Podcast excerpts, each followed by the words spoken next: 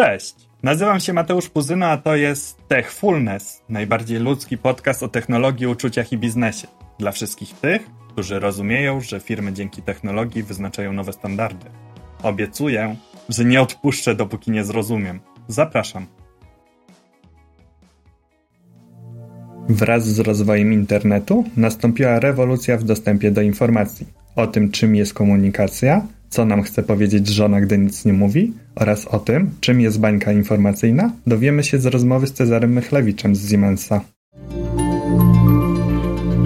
Techfulness. Technologia, uczucia i biznes. Dzień dobry, Cezary. Cześć, Mateusz. Powiedz, czym jest komunikacja?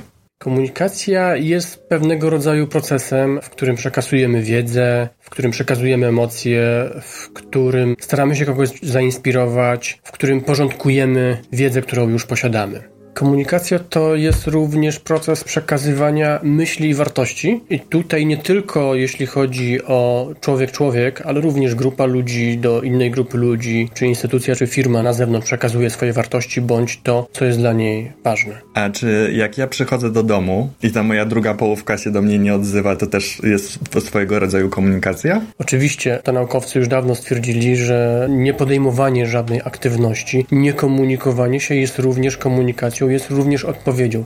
Czyli musisz sobie wyciągnąć wnioski, dlaczego ona się tak zachowuje, co ją do tego skłoniło, bo ona ci coś komunikuje. Uwaga, będziemy teraz prać brudy. W takim razie po co się komunikować? Po to, żeby przekazać informacje, poinformować, spowodować reakcję u kogoś, również emocjonalną, o której wspomniałem. A wracając jeszcze do komunikacji, jak mnie wam możemy nazwać to nauką, czy są w niej jakieś trendy? Zdecydowanie są w niej trendy i jakbyśmy spojrzeli bardzo daleko wstecz, kiedyś ta komunikacja, ja nie chcę iść w kierunku nie wiem, XVIII, XVII czy XVI wieku, gdzie Indianie przekazywali sobie, komunikowali się za pomocą sygnałów dymnych, ale coś bardziej nam bliskiego, czyli telewizja czarno-biała, czyli radio, prasa, dzienniki kupowane w kiosku ruchu, to była forma komunikacji i tam była informacja i uporządkowanie informacji i kontekst również do tej informacji. Telewizja, czyli bardzo ciekawe zjawisko, obraz wizualny to możemy sobie później rozwinąć, bo więcej kodujemy wizualnie niż tekstowo. No właśnie, bo o tę telewizję chciałem zapytać, o te media, które mieliśmy w Polsce. Ja tych czasów nie pamiętam, ale czytałem o nich i o te wyzwania z tamtymi czasami związanymi. Ja myślę, że to były bardzo ciekawe czasy. Ta komunikacja była inna. Ja nie chcę powiedzieć, że ona była uboższa. Ona na tamte czasy była, bym powiedział, doskonała. Wszyscy pamiętają propagandę i te wszystkie określenia. Natomiast ta komunikacja powodowała zupełnie coś innego. Ona powodowała, że ludzie między sobą musieli szukać dodatkowych informacji, sami musieli poszukiwać innych źródeł informacji, musieli weryfikować informacje, potwierdzać ich prawdziwość, bądź szukać kontekstu. Ponieważ ta komunikacja wychodziła z jednego źródła, czyli musieli uruchomić i wyobraźnię, wyobraźnię i trochę swój własny umysł po to, żeby zweryfikować to wszystko. A dzisiaj jakie mamy wyzwania komunikacyjne? Moim zdaniem największym wyzwaniem są nowoczesne technologie, czyli internet. Ale to jest i szansa, i zagrożenie, i tak to musimy rozpatrywać. Oczywiście, jeśli chodzi o szanse, to równy dostęp do wiedzy. Każdy niezależnie od wykształcenia, pochodzenia, wzrostu, koloru skóry i wszystkich innych czynników takich różnicujących ma dostęp, taki sam dostęp do wiedzy, do informacji. No właśnie, ja tu mam też ciekawy przykład z mojego życia. Ja w ten sposób negocjowałem cenę kursu angielskiego, dzwoniąc do szkoły i mówiąc, że dzisiaj dla mnie nie ma znaczenia, czy ja ten kurs odbędę na Malcie, czy odbędę go w Stanach Zjednoczonych, czy odbędę go w Polsce. Zdecydowanie tak. Jak widzisz, to się zatraciło. Nie ma już takiej różnicy, która daje ci jakąś konkretną wartość. Wszystko można zrobić przez internet. Dokładnie. Ale wracając do tych wyzwań, czy jeszcze jakieś wyzwania?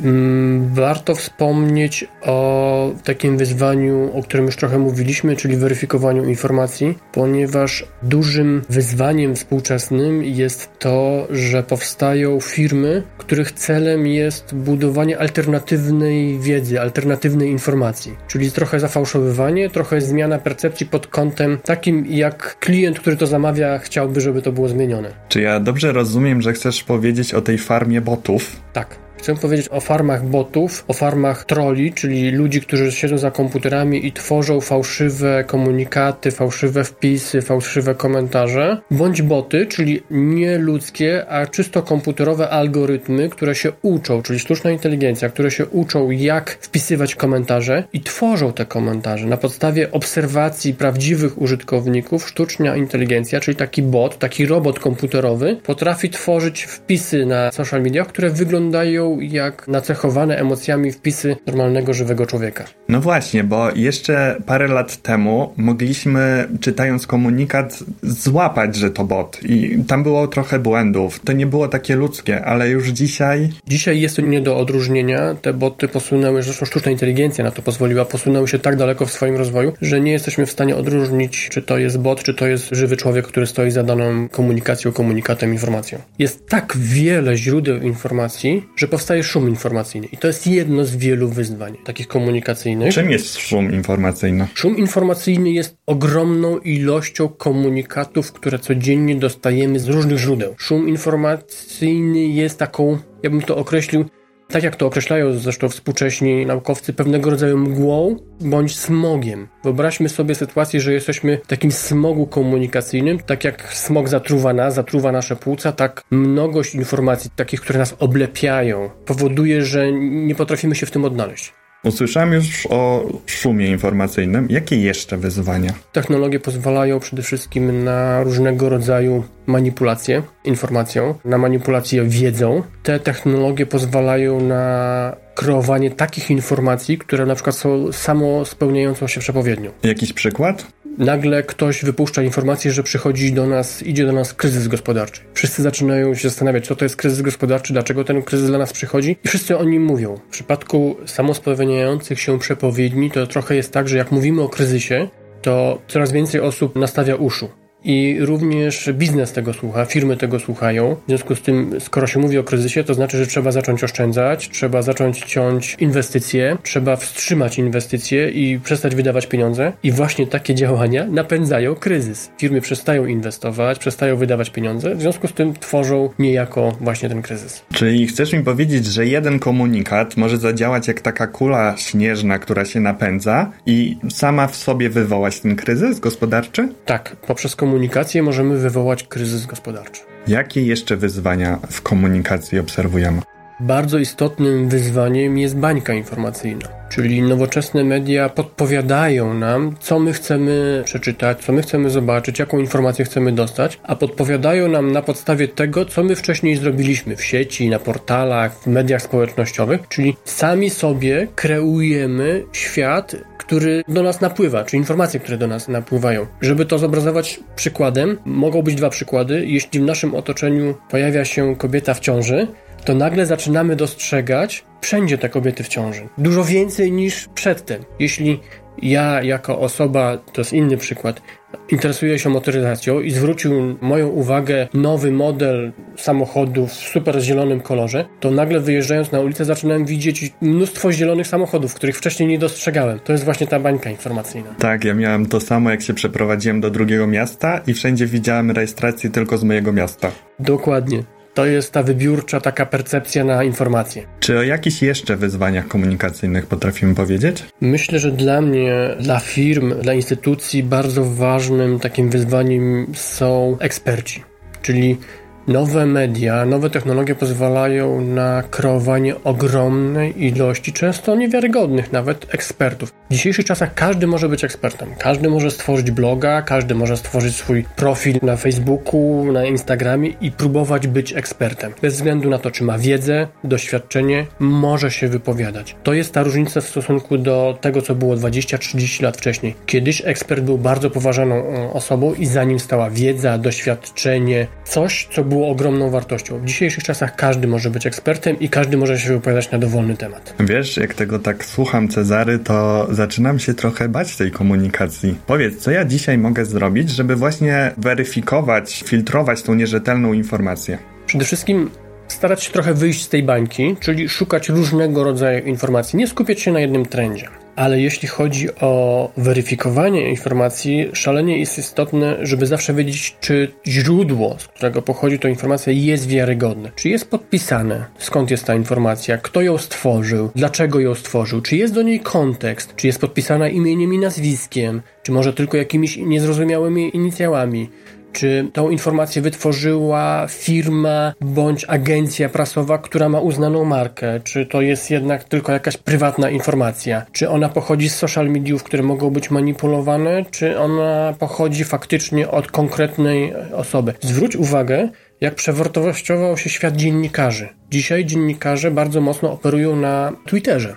Polski Twitter jest w ogóle specjalistyczny ponieważ tam są politycy, tam są dziennikarze, a mało jest prywatnych osób. Raczej są to znane osoby typu nie Robert Lewandowski czy pan Tomasz Lis, bo to są osoby opiniotwórcze. Natomiast jeśli chodzi o to, co ty możesz zrobić, to zawsze sprawdzaj, czy jest to profil prawdziwy. Możemy do tego dojść i sprawdzić, czy nie jest to jakiś sztuczny twór, czy to nie jest pan Tomasz Lis pisany przez dwa i w środku i tym podobne rzeczy, bo bardzo wiele osób się podszywa po prostu i próbuje kreować informacje, wiedzę, wizerunek. Co ja jako Mateusz Puzyno mogę jeszcze zrobić, żeby móc oddzielić tą opinię od informacji? To jest bardzo ważny wątek, który poruszyłeś, czyli fakt i opinia.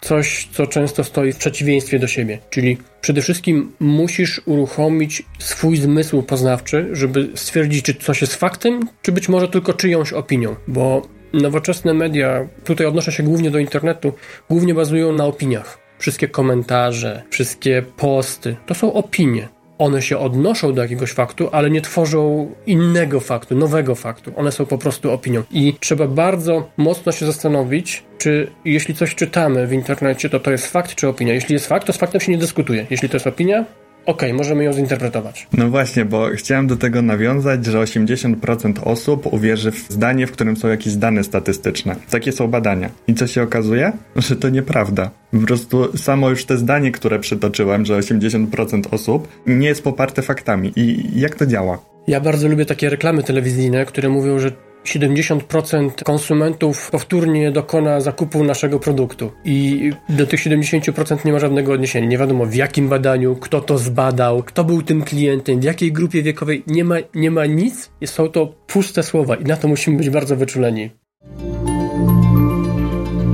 Techfulness. Technologia, uczucia i biznes.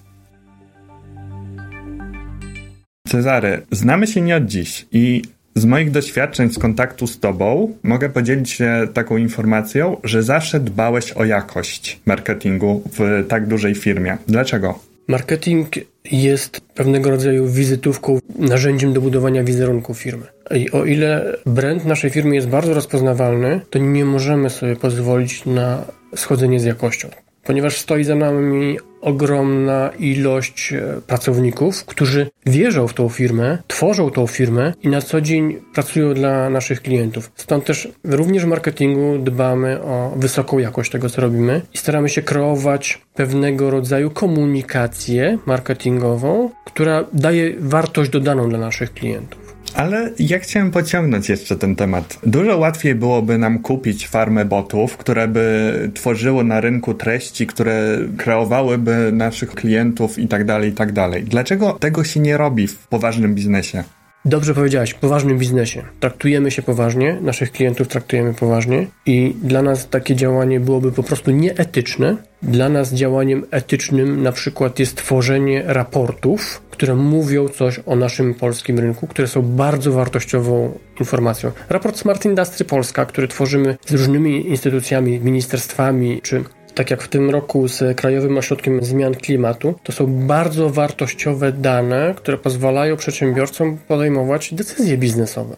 My nie możemy wysyłać do naszych klientów informacji, które są niewiarygodne, niesprawdzone bądź w jakiś sposób zmanipulowane. My musimy się bardzo rzetelnie odnosić do tego, jak my chcemy tą naszą politykę taką biznesową kreować. A czy możemy powiedzieć, że Siemens właśnie swoją komunikacją, marketingiem tworzy rynek? Możemy tak powiedzieć. Dla przykładu, to badanie, do którego się odniosłem, to badanie się nazywało Smart Industry Polska. I właśnie wprowadziliśmy pojęcie Smart Industry, którego nikt wcześniej nie używał. To pojęcie odnosi się do ogólnego pojęcia Industry 4.0, czyli tego no, nowej takiej rewolucji w przemyśle, że wchodzą nowe technologie, sztuczna inteligencja, rozszerzona rzeczywistość, wirtualna rzeczywistość oraz wszelkiego rodzaju inne technologie internetowe. My stworzyliśmy takie pojęcie Smart Industry w odniesieniu do przemysłu produkcyjnego ponieważ ten przemysł produkcyjny jest jednym z obszarów naszego zainteresowania. Jesteśmy firmą technologiczną. Powiedz, jak technologia może wspierać komunikację?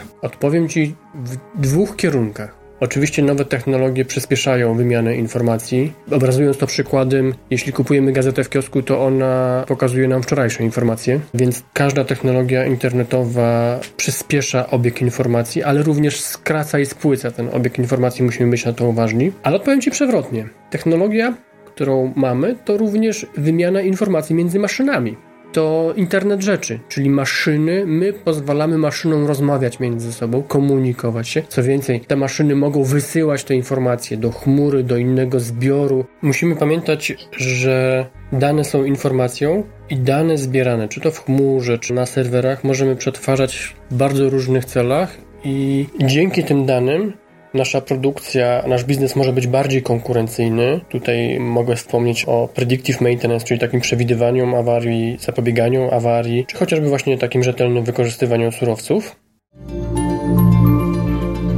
Techfulness. Technologia, uczucia i biznes. Pewnie nie wiecie, to wam zdradzę, ale Cezary uprawia nie wiem, czy to tak można nazwać, masz takie hobby dosyć bardzo wyjątkowe. Możesz powiedzieć o tym coś więcej? Znaczy, ja jestem mm, od wielu, wielu lat związany z taką ogólno pojętą motoryzacją i wszystko, co jest w tym świecie mnie jakoś kręci. Wybrałem taki model mm, turystyki offroadowej, czyli samochody terenowe, które są przygotowywane, przebudowywane do dalekich podróży. Mam taką zaprzyjaźnioną grupę przyjaciół, z którymi realizuję to hobby. Wyjeżdżamy w różne dziwne miejsca, w różnych dziwnych czasach, niekoniecznie tylko latem i w wakacje, ale również o różnych innych porach. Cezary jest skromny, to ja wam podrzucę. Cezary wraz z przyjaciółmi najpierw zbudował samochód terenowy, a później wybrał się z nimi na Syberię? Nie do końca. To trochę jak z tymi motorami na Placu Czerwonym. Każdy z nas przebudowywuje swój samochód więc nie buduję go od początku. I nie była to Syberia, a był to Nordkap zimą, czyli północna Norwegia, najbardziej wysunięty na północ cypelek kontynentu e, europejskiego. Z Rosją miało to tyle wspólnego, że jechaliśmy przez Rosję do Murmańska i dopiero z Murmańska do Rosji. Bardzo ciekawa wyprawa, sprawdzająca tak naprawdę chyba najbardziej zespołowość i pracę w grupie, ponieważ no, warunki są ekstremalne, tak. Jako mężczyzna muszę cię dopytać, jak się przygotować na taką wyprawę?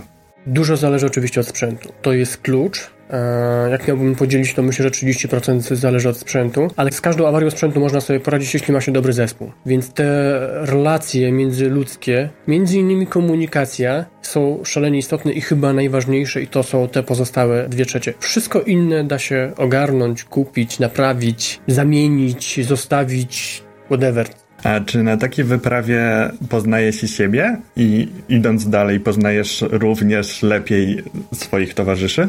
Zdecydowanie tak. Oczywiście to jest wieloaspektowe poznawanie. Poznajemy się w bardzo trudnych sytuacjach, takich krytycznych sytuacjach, kiedy trzeba 24 godzinę walczyć w śniegu i wykopywać samochody i wszyscy są zmęczeni, wszyscy chcą odpocząć, ale nie można sobie na to pozwolić i wtedy wychodzą różnego rodzaju sytuacje krytyczne którymi trzeba na bazie tej relacji, którą sobie stworzyliśmy, zarządzić. Y, innego rodzaju sytuacje to jak odnosimy się do tego, że trzeba komuś pomóc, tak? E, zostawić tą taką własną ambicję dojechania, zdobycia celu i trzeba komuś pomóc. I tutaj też się weryfikują bardzo często ludzkie charaktery. Natomiast ja muszę powiedzieć, że z wszystkich tych wyzwań wychodziliśmy zwycięsko i Pewnie można też mówić o jakimś takim przygotowaniu fizycznym, tak, organizmu, kondycja, ćwiczenia. No, spanie na mrozie nie jest czymś takim codziennym, co uprawiamy w normalnym życiu, więc na pewno też jest ważne.